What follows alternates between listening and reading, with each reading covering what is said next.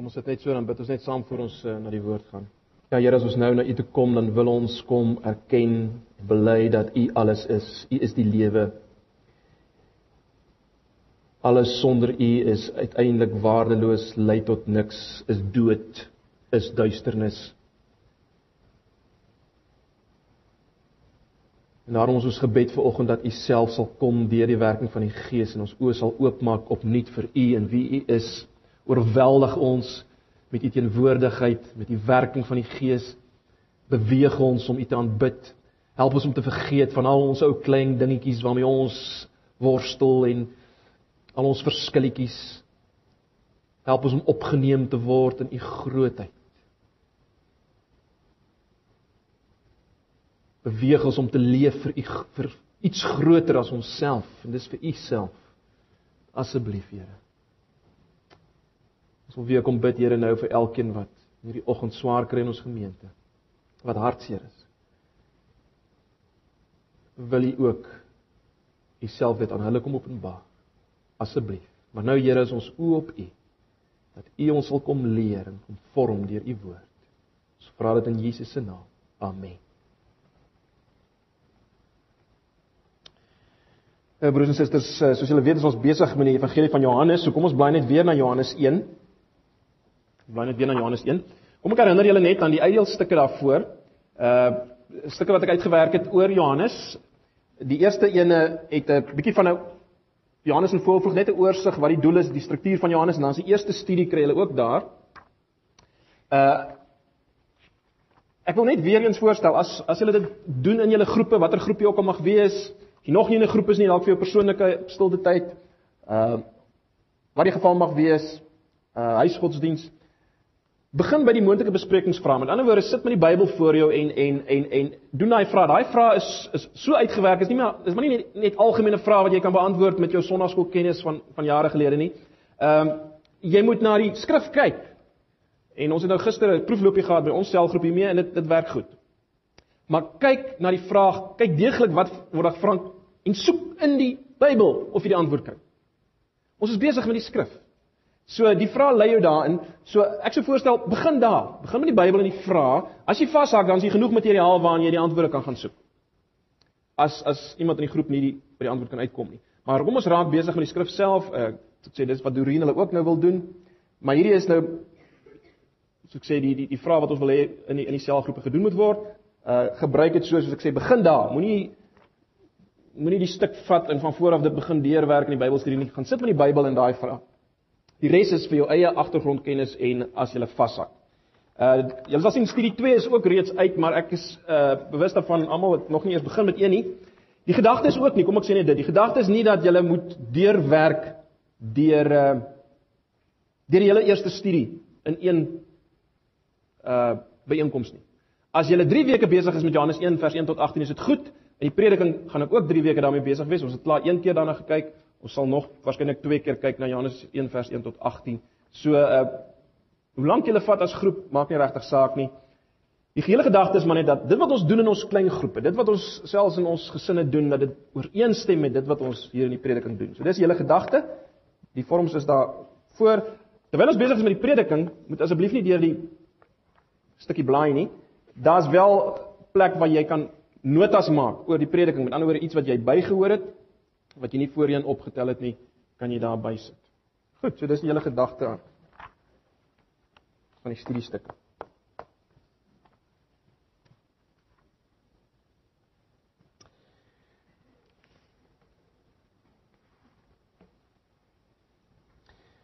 Kom ons lees net weer die eerste 18 verse van Johannes 1 deur. Ek lees maar die 83 vertaling, kom ons uh, kyk net weer daarna. In die begin was die woord daar en die woord was by God en die woord was self God. Hy was reeds in die begin by God. Alles het deur hom tot stand gekom. Ja, nie 'n enkele ding wat bestaan het, het sonder hom tot stand gekom nie. In hom was daar lewe en die lewe was die lig vir die mense. Die lig skyn in die duisternis, die duisternis kon dit nie uitdoof nie. Daar was 'n man wat deur God gestuur is. Sy naam was Johannes. Hy het gekom getuienis af te lê. Hy moes van die lig getuig sodat almal deur hom tot geloof kon kom. Hy was self nie die lig nie, maar hy moes oor die lig getuig. Die ware lig wat elke mens verlig, was aankom na die wêreld toe. Hy was in die wêreld, die wêreld het deur hom tot stand gekom en tog het die wêreld hom nie erken nie. Hy het na sy eie naam toe gekom en tog het sy eie mense hom nie aangeneem nie. Maar aan almal wat hom aangeneem het, die wat in hom glo, het hy die reg gegee om kinders van God te word. Hulle is dit nie van nature nie, nie deur die drang van 'n mens of die besluit van 'n man nie, maar God is hulle Vader. Of dan hulle is uit God gebore, sê die 53. Vers 14: Die woord het mens geword. Die woord het vlees geword staan daar letterlik. En onder ons kom woon. Ons het sy heerlikheid gesien, die heerlikheid wat hy as die enigste seun van die Vader het, vol genade en waarheid. Johannes getuig van hom en roep uit: "Dit is hy wat ek bedoel het toe ek gesê het: Hy wat na my kom, is voor my, want hy was voor my reeds daar." Uit sy oorvloed het ons almal genade op genade ontvang. God het die wet deur Moses gegee. Die genade en die waarheid het deur Jesus Christus gekom. Niemand het God ooit gesien nie, sy enigste seun, self God, wat die naaste aan die Vader is, die het hom bekend gemaak.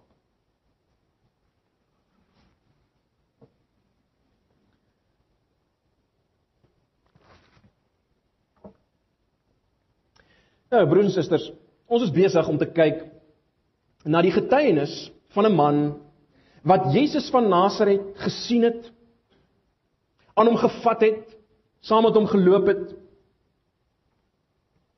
wat hom baie intiem geken het. En in hoofstuk 20 vers 31 van sy evangelie sê die man dat alles wat hy neergeskryf het in hierdie evangelie van hom, het hy neergeskryf sodat ek en jy kan glo en sodat ons deur ons geloof in hom lewe kan hê. Dis hoekom hy dit geskryf het, sodat jy kan glo en kan lewe.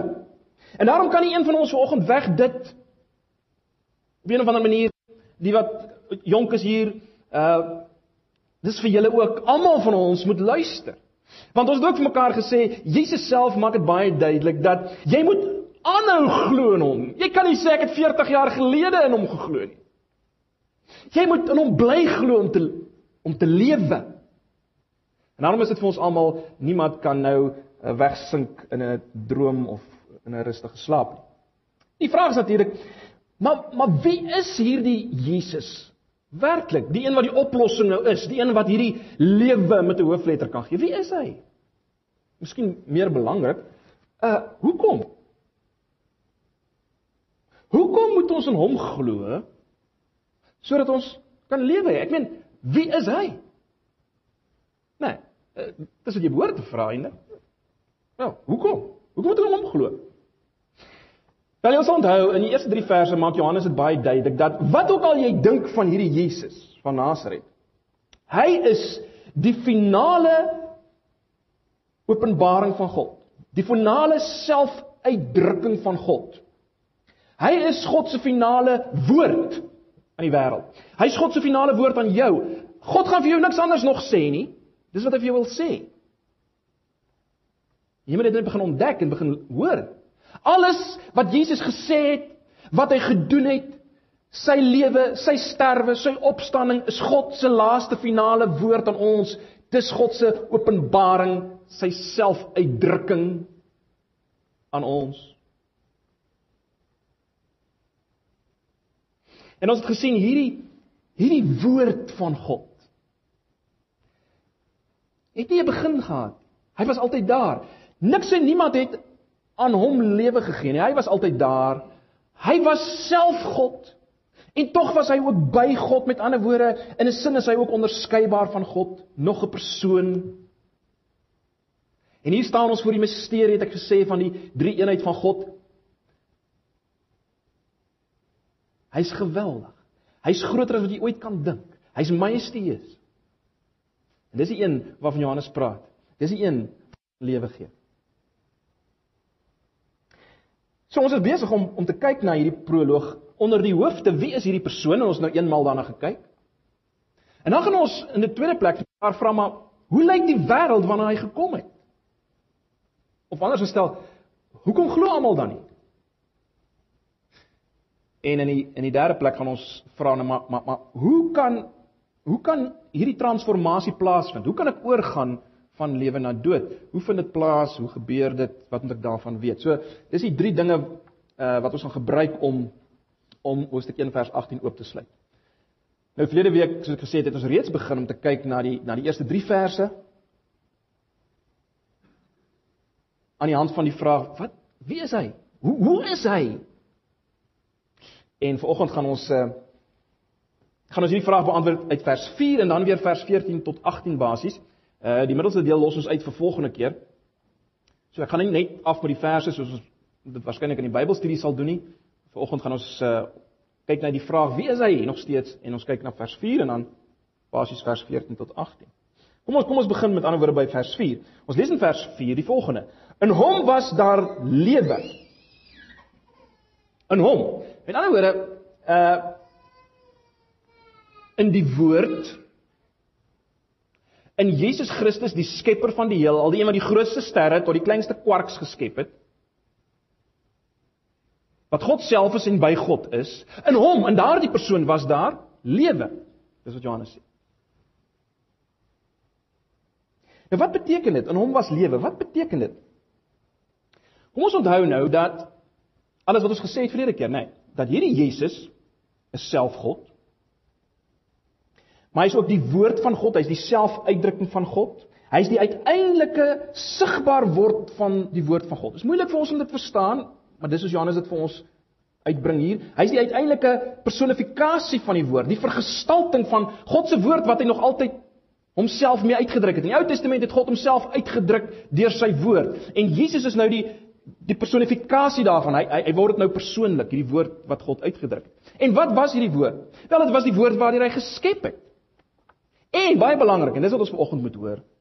Dis ook die woord waar waarmee hy gesê het of waardeur hy gesê het vir die eerste mense, die dag as julle van hierdie vrug eet, sal julle sekerlik sterwe.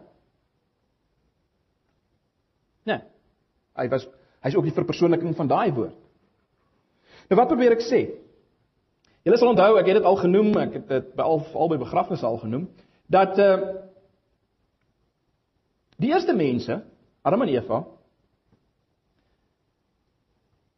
Het jy die woord gekry, nê? Nee. Hulle mag nie eet van die boom in die middel van die tuin nie. Solank as hulle nie van daai boom geëet het nie, het hulle gelewe. God het gesê, "Die dag as julle daarvan eet, sal julle sekerlik sterwe." En dan gebeur dit. Hulle eet van die vrug. Maar die fascinerende is, ek weet nie of julle dit al ooit vir julleself gevra het nie, maar hulle val dan nou nie om nie. Hulle sterf nie fisies biologies nie. Hulle gaan nog aan. Maar iets het verander. Hulle was skaam vir God, weggekruip vir hom, hulle hulle skaam vir mekaar, kruip mekaar weg. En die hele verhouding met die geskaapte werklikheid is deurmekaar. Dis wat gebeur. Met ander woorde ons kom tot die logiese gevolgtrekking dat die lewe waarvan God praat en die sterwe waarvan God praat, het alles te maak met 'n verhouding met hom. Solank hulle in 'n verhouding met hom geleef het en met mekaar geleef het, was daar lewe in gehoorsaamheid aan hierdie woord, né? Nee, solank jy hierdie woord van hom gehoorsaam het, jy mag nie van die vrug eet nie, was daar lewe. En en hierdie lewe, hoe lyk hierdie lewe? Wel, hierdie lewe is 'n lewe van in verhouding wees met hom en met mekaar. So. As Johannes in in, in sy proloog en hierdie eerste 18 verse en in sy die res van sy boek praat oor oor lewe, dan praat hy nie van fisiese lewe in die eerste plek Hy praat van hierdie lewe. As jy wil geestelike lewe, as jy die term wil gebruik, maar hierdie lewe wat bestaan uit 'n verhouding met God. Nadat God alles geskep het, is die toppunt van sy skepping die mens wat in 'n verhouding met hom staan en so sy beeld weerspieël. Mens wat in gehoorsaamheid aan sy woord leef, in verhouding met hom is en sy beeld weerspieël. Dis die toppunt van van die skepping. En soos ek sê Johannes werk met hierdie begrip van lewe. Luister net na Johannes 5 vers 24. Jy hoef nie al hierdie gedeeltes na te slaan nie, luister net. Johannes 5 vers 24. Jesus sê: "Dit verseker ek julle. Wie luister na wat ek sê en hom glo wat my gestuur het, het die ewige lewe. Hy word nie veroordeel nie, maar hy het reeds uit die dood na die lewe oorgegaan." Jy sien? Luister na Jesus. Glo in hom, dis lewe. As jy wil leef en nie in die oordeel kom nie, want jy lewe nodig en hierdie lewe is in Jesus, nê? Nee, Johannes maak dit duidelik. Selfs in sy brief in 1 Johannes sê hy dieselfde dinge. Luister net, 1 Johannes 5 vers 11 tot 12. Ek lees dit sommer vir julle. Daar lees ons dit.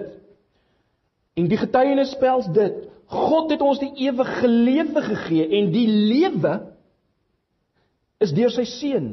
1 Johannes 5 vers 12. Julle ken dit almal. Wie die seun het, het die lewe. Wie die seun van God nie het nie, het ook nie die lewe nie. Dit is eintlik dieselfde as wat in Johannes 3 vers 36 staan, né? Die seun het die lewe.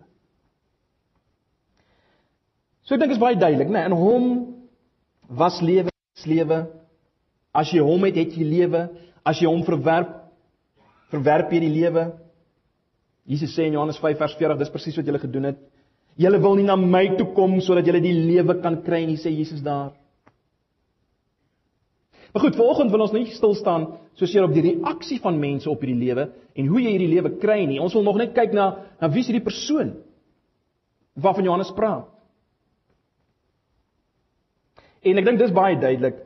Ehm uh, hy is die lewe met 'n hoofletter, die lewe waarvoor ek en jy bedoel is, die lewe wat meer is as fisiese bestaan, dis hy. Dit is hy.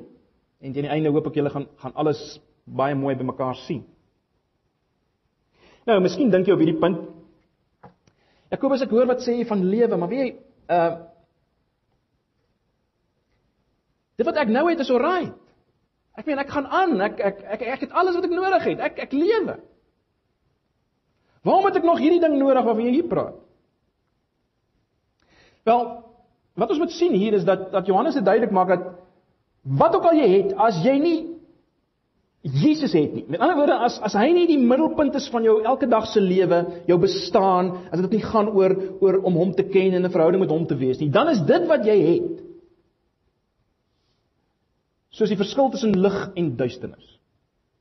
En dan oor wat jy ook al het, jou groot bankbalans, jou pragtige huis, jou oulike familietjie, uh jou belangrikheid, jou goeie werk sonder Jesus is dit soos duisternis teenoor lig. Uh sonder sonder dit is jy soos die skepping was voor God geskep het, nê, nee, duisternis. Terloops ek hoop julle sien deur alles heen dat dat Johannes wil ons terugvat na na die skepping toe, nê. Nee. Hy wil hê ons moet ons beelde daar gaan kry. Ook as hy praat van van uh van die lewe. Onthou hy begin met Johannes 1 vers 1 in die begin was die woord daar. Hy wil hê ons moet teruggaan na die begin van Genesis 1. In die begin het God. So ons moet heeltyd daaraan terugdink. Die punt is net jou duisternis is dieselfde as wat daai duisternis was voor God geskep het. Woestheid, leegheid. Dit dis die punt wat wat vers 4 maak. sien julle dit? Die lewe was die lig vir die mense. So as jy nie hierdie lewe het nie, is jy soos iemand wat in die donker lewe. Jy weet hoe dit is om in 'n donker kamer te wees of in 'n in die veld as dit donker is, nee, jy het geen idee van waar's wat nie. Jy kan jouself orienteer nie. Jy struikel oor goed. Jy stamp jou half dusnis teen goed. Dis hoe jou lewe is. Dis hoe jou lewe is sonder Jesus. Terwyl as jy in hom is, is jy in die lig, dan's daar duidelikheid, jy het te verstaan, jy weet waar's wat.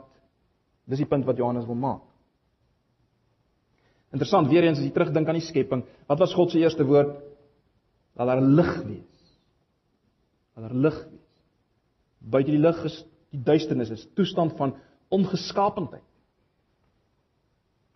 Kyk, die meeste mense rondom ons lyk of hulle lewend is, né? Nee. Ek meen die ouens by die winkelsentrum of of by jou skool, as jy kind is by die skool. Hulle lyk lewend. En as jy nou om toe gaan stap en jy sê vir hom, "Hey, ek dink jy's dood." Dan dan gaan hy dink jy's belaglik, né? Nee. Maar as jy dood vervang met duisternis en blindheid, dan verander die prentjie, né? Nee. Jy sien, jy kan fisies baie goed sien en baie goeders doen, maar jy kan steeds nie sien nie. Jy kan steeds in duisternis wees. Jy kan steeds blind wees. Jesus sê dit, ehm um, Hy praat in Johannes in Matteus 13 van van mense wat sien en tog nie sien. Hulle sien nie Jesus nie. Hulle sien hom nie as waardevol bo alles nie. Hulle sien hom nie as die skat bo alles nie. Hulle sien hom nie as kosbaar nie. Hulle sien nie sy offer as kosbaar. Hulle sien nie 'n verhouding met hom as as lewensbelangrik nie. Hulle sien dit. Hulle is geestelik dood vir hierdie realiteite. Dit maak niks aan hulle nie. Jesus is vir hulle vaal. Oninteressant. Hulle is dood geestelik. Hulle mag dalk baie weet, wonderlike teologiese kennis hê, maar hulle is geestelik dood. Hulle Jesus is nie vir hulle iets spesiaals. En dis die hele punt wat Johannes wil maak. In hom was daar lewe en die lewe was die lig vir die mense.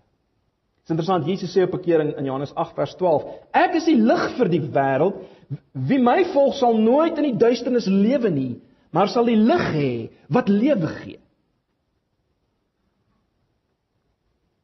Jy sien, hierdie lig kom met lewe. Nee.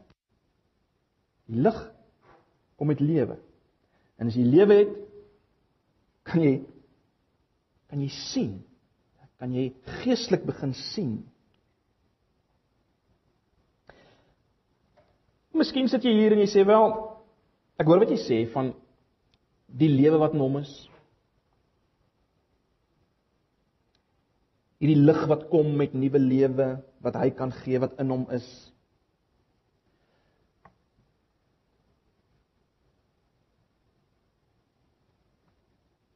Maar miskien sê jy maar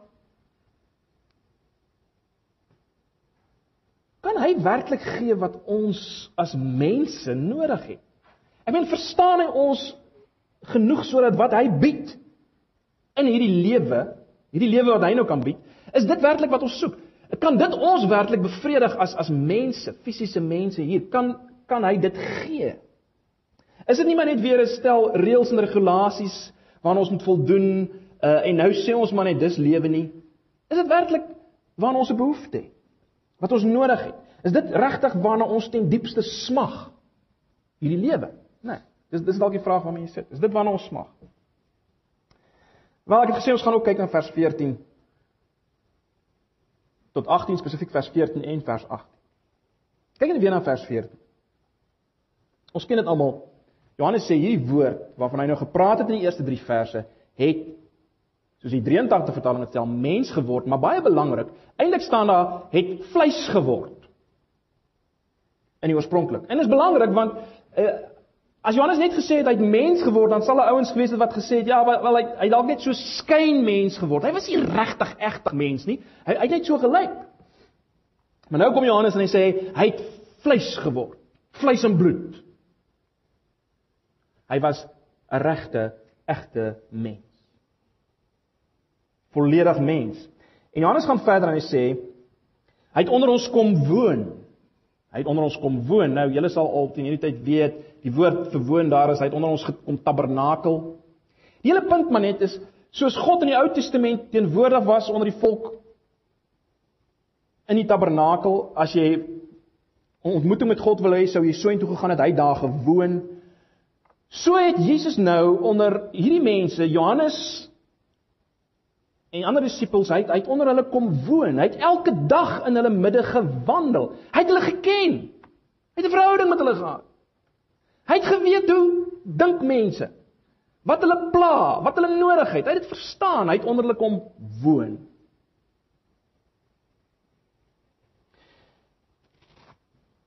En die vraag is nou maar goed. Wat het hulle gesien van hierdie lewe? Hoe het hulle dit beleef? Hierdie lewe waarvan ons praat. Wat het dit alles behels? Wat het hulle gesien? En Johannes kom nou en hy sê vir ons kyk net daarna vers 14. Ons het sy heerlikheid gesien. Ons het sy heerlikheid gesien, die heerlikheid wat hy as die enigste seun van die Vader het. So dis wat hulle gesien het. Nou die woord heerlikheid in die Ou Testament uh as God verskyn het dan is daar gepraat van die heerlikheid van God wat verskyn het. Uh, is as julle in julle Bybel sien die die 53 vertaling gebruik nog konsekwent die woord heerlikheid terwyl die nuwe vertaling praat net van byvoorbeeld van die magtige verskyning van God. So vertaal hulle die woord heerlikheid. Maar die punt is as God verskyn het, dan word daar gepraat van sy heerlikheid. En en dis natuurlik wat Adam en Eva gesien het want hulle het met God gewandel, nê. Nee, so hulle het hierdie heerlikheid gesien en beleef en hulle kon dit weer kaats in so 'n mate dat hulle sy beelddraers kon wees, nê. Nee, daaroor het ons verlede jaar baie gepraat, maar die maar die punt is onthou dit. Dis wat hulle beleef, dis wat hulle gesien het. En dwars deur die Ou Testament sien mens hierdie hierdie verlange om weer die heerlikheid van God te sien. Sy verskyning. Julle sal weet ou Moses, ehm um, dan Eksodus 33 vers 18, dan sê hy: "Wys my u heerlikheid." Hy smag daarna. En broers en susters, Moses se verlange is ten diepste elke mens se verlange. Dis my en jou verlange. Dalk dalk kan jy dit nie heeltemal so bewoord nie. Dalk weet jy nie wat gaan met jou aan nie. Hoekom is jy so rusteloos? Hoekom vind jy nie rus nie? Wel is omdat jy verlang na die heerlikheid van God. Want dis waarvoor jy gemaak is om dit te sien en dit weer uit te straal na ander. Dit dit dit is waarvoor jy gemaak is en jy sal nooit vervulling kry voordat dit nie gebeur nie. Nooit. Nooit. Dit is die lewe. En Johannes kom nou en hy sê daai heerlikheid is in Jesus. Jy sien dit in Jesus. Die een in wie daar lewe is. Wat jou lig is. Jy sien dit in hom. Die een wat onder mense kom woon het. Nou gaan Johannes nog verder en hy help ons en hy sê hy sê vir ons wat is die inhoud van hierdie heerlikheid? Wat is die inhoud van hierdie magtige verskyning? Wat is dit? En wat sê hy? Kyk kyk na die laaste deel van die vers. Ons het sy heerlikheid gesien. Wat is was uh, uh, uh wat was dit? Kyk net einde van daai vers. Vol genade en waarheid. Vol genade en waarheid. Sy heerlikheid was vol genade en waarheid. Dit is baie interessant. Ek het nou verwys na Moses wat uitgeroep het in Eksodus 33, ek ek wil heerlikheid sien, wys my u heerlikheid. En dan is baie interessant. Dan praat God met hom. Die woord van God kom tot hom en wat hoor Moses? Hy hoor die woorde onder andere ek is groot van goedertierenheid en trou. Hy hoor dit. En broers en susters, dis die woorde wat Johannes hier gebruik nou net in die Grieks, nê, nee, as hy praat van genade en waarheid.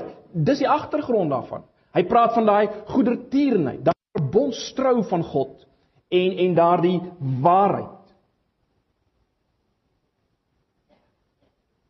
Hy sê dis die heerlikheid. Let wel, wat ons nie net nou sê hy, hy praat nou uit sy perspektief, wat ons nie net gehoor het soos Moses nie, Hy het dit net gehoor, hy het net gehoor die Here sê dit. Maar ons het dit nou gesien, want die woord het vlees geword, né? Nee. Dis die punt. Daai woord wat Moses gehoor het, ek is vol genade, goedertierenheid en, en waarheid. Dit het Johannes hulle gesien. Dit het hulle gesien.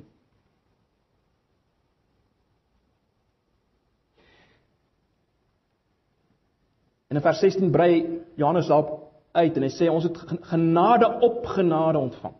Jy sien, in die Ou Testament se bedeling was daar genade, daar was groot genade. Ek meen, eh, ons sien dit in in die woorde wat uh wat God aan Moses openbaar. Daar's 'n groot stuk genade en verbondstrou en waarheid in die Ou Testament, maar die punt wat Johannes wil maak is nou in Jesus is dit net baie baie meer. Dis genade op genade. Dis die dis die toppunt van genade en waarheid wat ons nou sien. Daar's nie vergelyking daarmee in die Ou Testament onder die wetsbedeling van Moses nie. Dis alles oortreffend nou. Genade op genade, sien?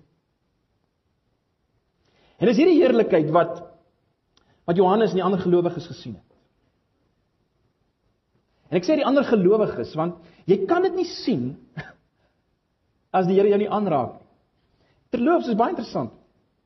Uh die woord die die die begrip die heerlikheid van die Here word ook in die Ou Testament in verband gebring met verlossing en herstel. En kyk maar na Jesaja 60 byvoorbeeld vers 1 en so aan. Met ander woorde as daar verlossing en herstel plaasgevind het dan dan die heerlikheid van die Here uh aangebreek. Met ander woorde, ons kan sê eers wanneer jy aangeraak word deur die Here, verlossing smaak, vergifnis ontvang, dan dan begin jy besef wie jy werklik is. In plaas van die duisternis van oordeel sien jy die lig van genade. Jy sien die sonskyn van die heerlikheid, jy sien die heerlikheid van God, vol genade en waarheid. Ag, en broers en susters, dis my gebed vir elkeen van ons wat hier sit dat ons dit sal sien, dit sal beleef. Kom ek stel dit so, ek en jy het in diepste behoefte aan lewe. Lewe wat lig is. Dis die lewe waarna ek en jy behoefte het. Nie net fisiese aankarring elke dag nie. Nie bestaan nie. Ons het 'n behoefte aan lewe want ons is gemaak vir lewe. Dis waar dis waar ons 'n behoefte het. So ons het 'n behoefte aan lewe wat lig is, wat die heerlikheid van God is, wat vol genade en waarheid is. Dis ons behoefte. Dis ons behoefte. En dis in Jesus. Maar goed, dalk is daar nog 'n laaste ding waarmee jy worstel. Dalk sê jy wel Jakobus Maar jy praat nou van Jesus. Is God nie dalk tog 'n bietjie anders nie? In ander woorde, is daar nie agter Jesus tog maar nog 'n tipe van 'n fronsende Godfiguur wat eintlik net ongelukkig is met alles wat ons doen en en en uh wat hierdie lewe eintlik maar weer net vol reëls en regulasies sal maak en ehm uh, hy sal eintlik altyd ongelukkig wees met ons swak vertoning. Hy's nooit heeltemal gelukkig nie want ons maak dit nie heeltyd nie. Uh jy jy praat nou van hierdie lewe in Jesus, maar is daar nie so God figuur nog agter dit alles nie?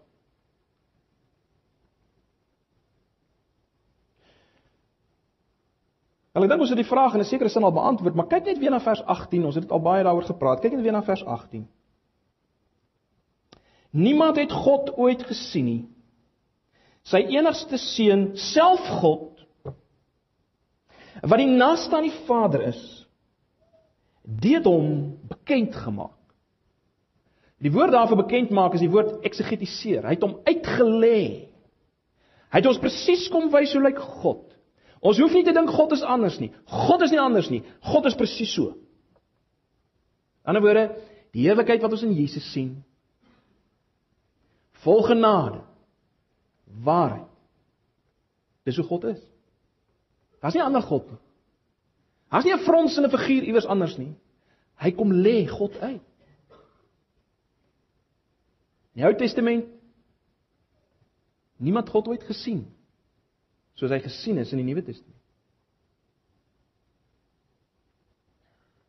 Jesus sê self, sal jy onthou vir Filippus, as Filippus Filippus wat nou saam met Jesus geleef het, sê op 'n stadium, uh, maar, maar Jesus wys ons die Vader. Wys ons die Vader. Dit dit sal vir ons genoeg wees as ons net die Vader sien en dan dan sê Jesus hierdie woorde en dit is geweldig belangrik. Hy sê vir hom, ek is so lank al by julle en het jy my nie geken nie, Filippus? Hy wat my gesien het, het die Vader gesien. Hy wat my gesien het, het die Vader gesien. Filippus. Daar's nie 'n ander God nie. Ek kan nie vir jou 'n ander God wys nie.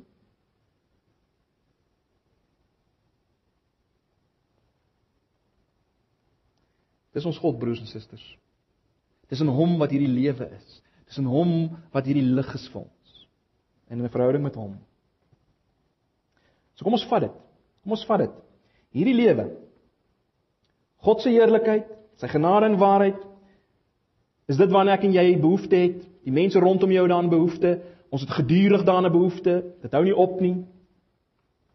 Jesus sê sonder my kan julle niks doen nie. Ons moet bly in hom. Ons gaan nie volgende praat oor hoe ons in hom kan kom nie. Dis dis 'n volgende keer, maar ons moet net hierdie dinge baie baie stewig vasvat. Ons het genade nodig, broers en susters. Ons het dit nodig. Ek en jy kan nie sonder genade nie verdienste maak dit nie. Al die dingetjies wat jy poog, al die dingetjies wat jy doen om God te beïnvloed, om om te maak dat hy goed voel oor jou. Dit help nie, dit werk nie.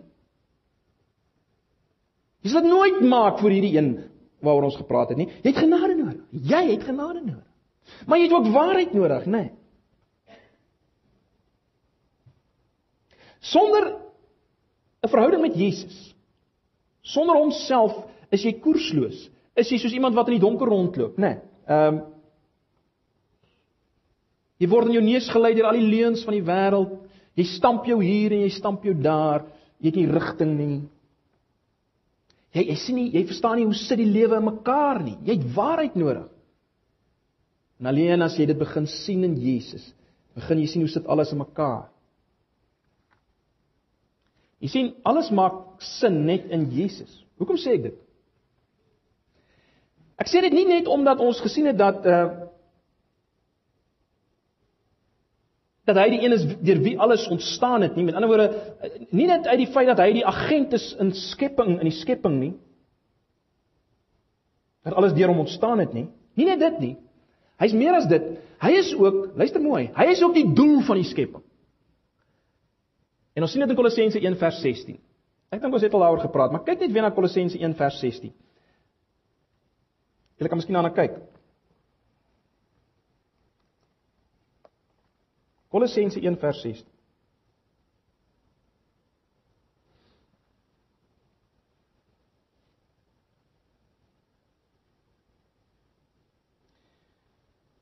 Ek lees maar ons vertaling en as ek net iets daaroor sê.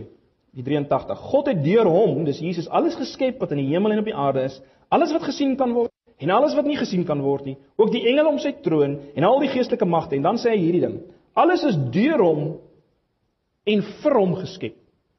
Nou mense sou dit beter kon vertaal om te sê dis met die oog op hom geskep. In ander woorde, hy was die einddoel van alles. So wat probeer ek sê? God het gasware gewerk met 'n blou druk toe hy begin skep het. En die eindpunt was Jesus self. Hy het met die oog op Jesus geskep. Met ander woorde, wat probeer ek sê? Alles wat ons sien aan die begin by die skepping was as te ware tipes van Jesus of afbeeldinge van Jesus. Dit was nog nie die die totale prentjie nie. Dit vind eers uiteindelik gestalte in Jesus. Met ander woorde, die woord wat aan die begin daar gefunksioneer het. Die lig wat aan die begin daar gefunksioneer het. Onthou julle ek het gepraat oor die lig by die skepping. Die lewe wat daar gefunksioneer het.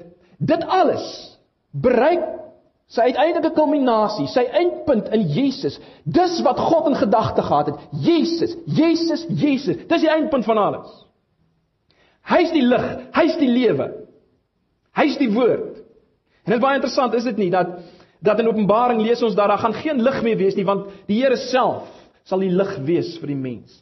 Dis wanneer God op pad is. So broers en susters onthou dit. Dis in hom. En onthou nou, ons het in die begin gesê, hierdie lewe is eintlik gaan oor 'n verhouding met hom. En Jesus was die een wat in die perfekte verhouding met God gestaan het. Hy is die een wat in die boesem van die Vader was, wat altyd by die Vader was. En daarom is hy lewe. Nee. Hy is 'n volmaakte verhouding met God.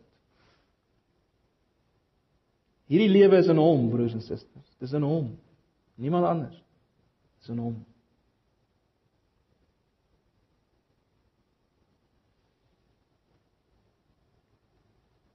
Net in hom kan jy weer word waarvoor jy geskep is. Waarvoor God alles geskep het. Net in hom. Die logiese vraag wat jy nou sal moet vir jouself moet afvra is: "Maar hoekom op aarde is dat daar mense wat wat hom nie omhels nie? Wat nie hierdie verhouding najag nie? Uh, wil God dit nie hê nie? Uh, Wat gaan aan? Jy, jy behoort hierdie vraag te vra in die eerste plek en jy behoort in die tweede plek te vra, maar maar hoe kan ek? Hoe kan ek regtig weet ek het deel hieraan? En dan sal ons by 'n volgende geleentheid kyk. Ek wil net die laaste implikasie van dit wat ons nou gesien het uitlig en, en dis bloot dit. In die gebedsweek het ons baie gepraat oor oor die feit dat ons gebede moet altyd begin met 'n fokus op God en sy grootheid. Ons moet altyd begin om vir God as te ware te sê wie hy is. Nie omdat hy dit nodig het om dit te hoor nie, maar omdat ek en jy nodig het om te hoor wie hy is sodat ons versterk kan word en kan weet maar hy kan my gebed verhoor. Hy is alles. Hy het die mag en so meer. So. Broers en susters, dit wat ons tot nou toe gesien het in die eerste 4 verse en ook in vers 14 tot 18. Gebruik dit as brandstof vir jou gebedslewe. Gebruik dit as brandstof vir jou gebedslewe. En terwyl jy bedink daaraan, die een vir wie jy bid, verstaan my absoluut. Hy was ook 'n mens. Hy het geleef saam met mense. Hy hy verstaan my. Ek kan eerlik wees vir hom. Ek hoef niks weg te steek nie. Ek kan eerlik wees vir hom. Ek hoef ook nie net die mooiste teologiese woorde te gebruik nie, want hy hy het tussen eenvoudige mense geleef. Hy sal my hoor. Kan met hom praat. Hy verstaan. Hy's vol genade. Ek hoef nie bang te wees vir hom nie. Ek hoef nie te dink o, ek het dit hierdie week nie gemaak nie. Hy gaan dalk my gebed nie aanvaar hierdie keer nie want ek het hierdie week 'n bietjie opgeslip met my stilte tyd. Nee, hy's vol genade. Kom na hom toe. Hy's vol waarheid. Hy weet alles. Kom na hom. So ag broers en susters. Gebruik dit wat ons hier gesien het as jou brandstof vir gebed. Ehm um, sê vir hom dit wat ons gesien het hier en dink oor dit wat ons hier gesien het. Laat dit jou gebedslewe impak, 'n impak hê op jou gebedslewe. Nee, laat dit 'n impak hê op jou gebedslewe. My gebed broers en susters dat ons elkeen wat hier sit al meer en meer opgewonde sal raak oor Jesus. En hom was die lewe en die lewe was die lig vir die mense. Jou lig, jou lewe. Moenie laat die duiwel jou mislei met leuns van wat lewe is nie. Elkeen van julle, van die kleinste tot die jongste, van die kleinste tot die oudste. Jongste tot die oudste. Dis die waarheid, dis die lewe. Johannes het hom gesien. Hy praat die waarheid. Kom ons sit net so 'n bid ons saam. Here baie dankie vir die woord. Ag, ek wil bid dat U ons sal oorweldig met U self en U waarheid omtrent U self. Doen dit vir ons deur die Gees, Here. Ons het U nodig. Ons het nodig soos ons in hierdie gedeelte sien. Ons het nodig dat ons uit U gebore sal word dat U ons oë sal oopmaak. Doen dit. Ek wil bid vir elkeen wat reeds hierdie lewe het dat dat ons dit weer opnuut sal raak sien en sal waardeer en onsself dan sal verlustig. Dit sal najag. Die van ons wat hier sit wat nog nie hierdie lewe het nie, Here, dat U hierdie boodskappe sal gebruik om om om uiteindelik geloof te wek deur die werking van die Gees. Asseblief vra dit in Jesus se naam. Amen.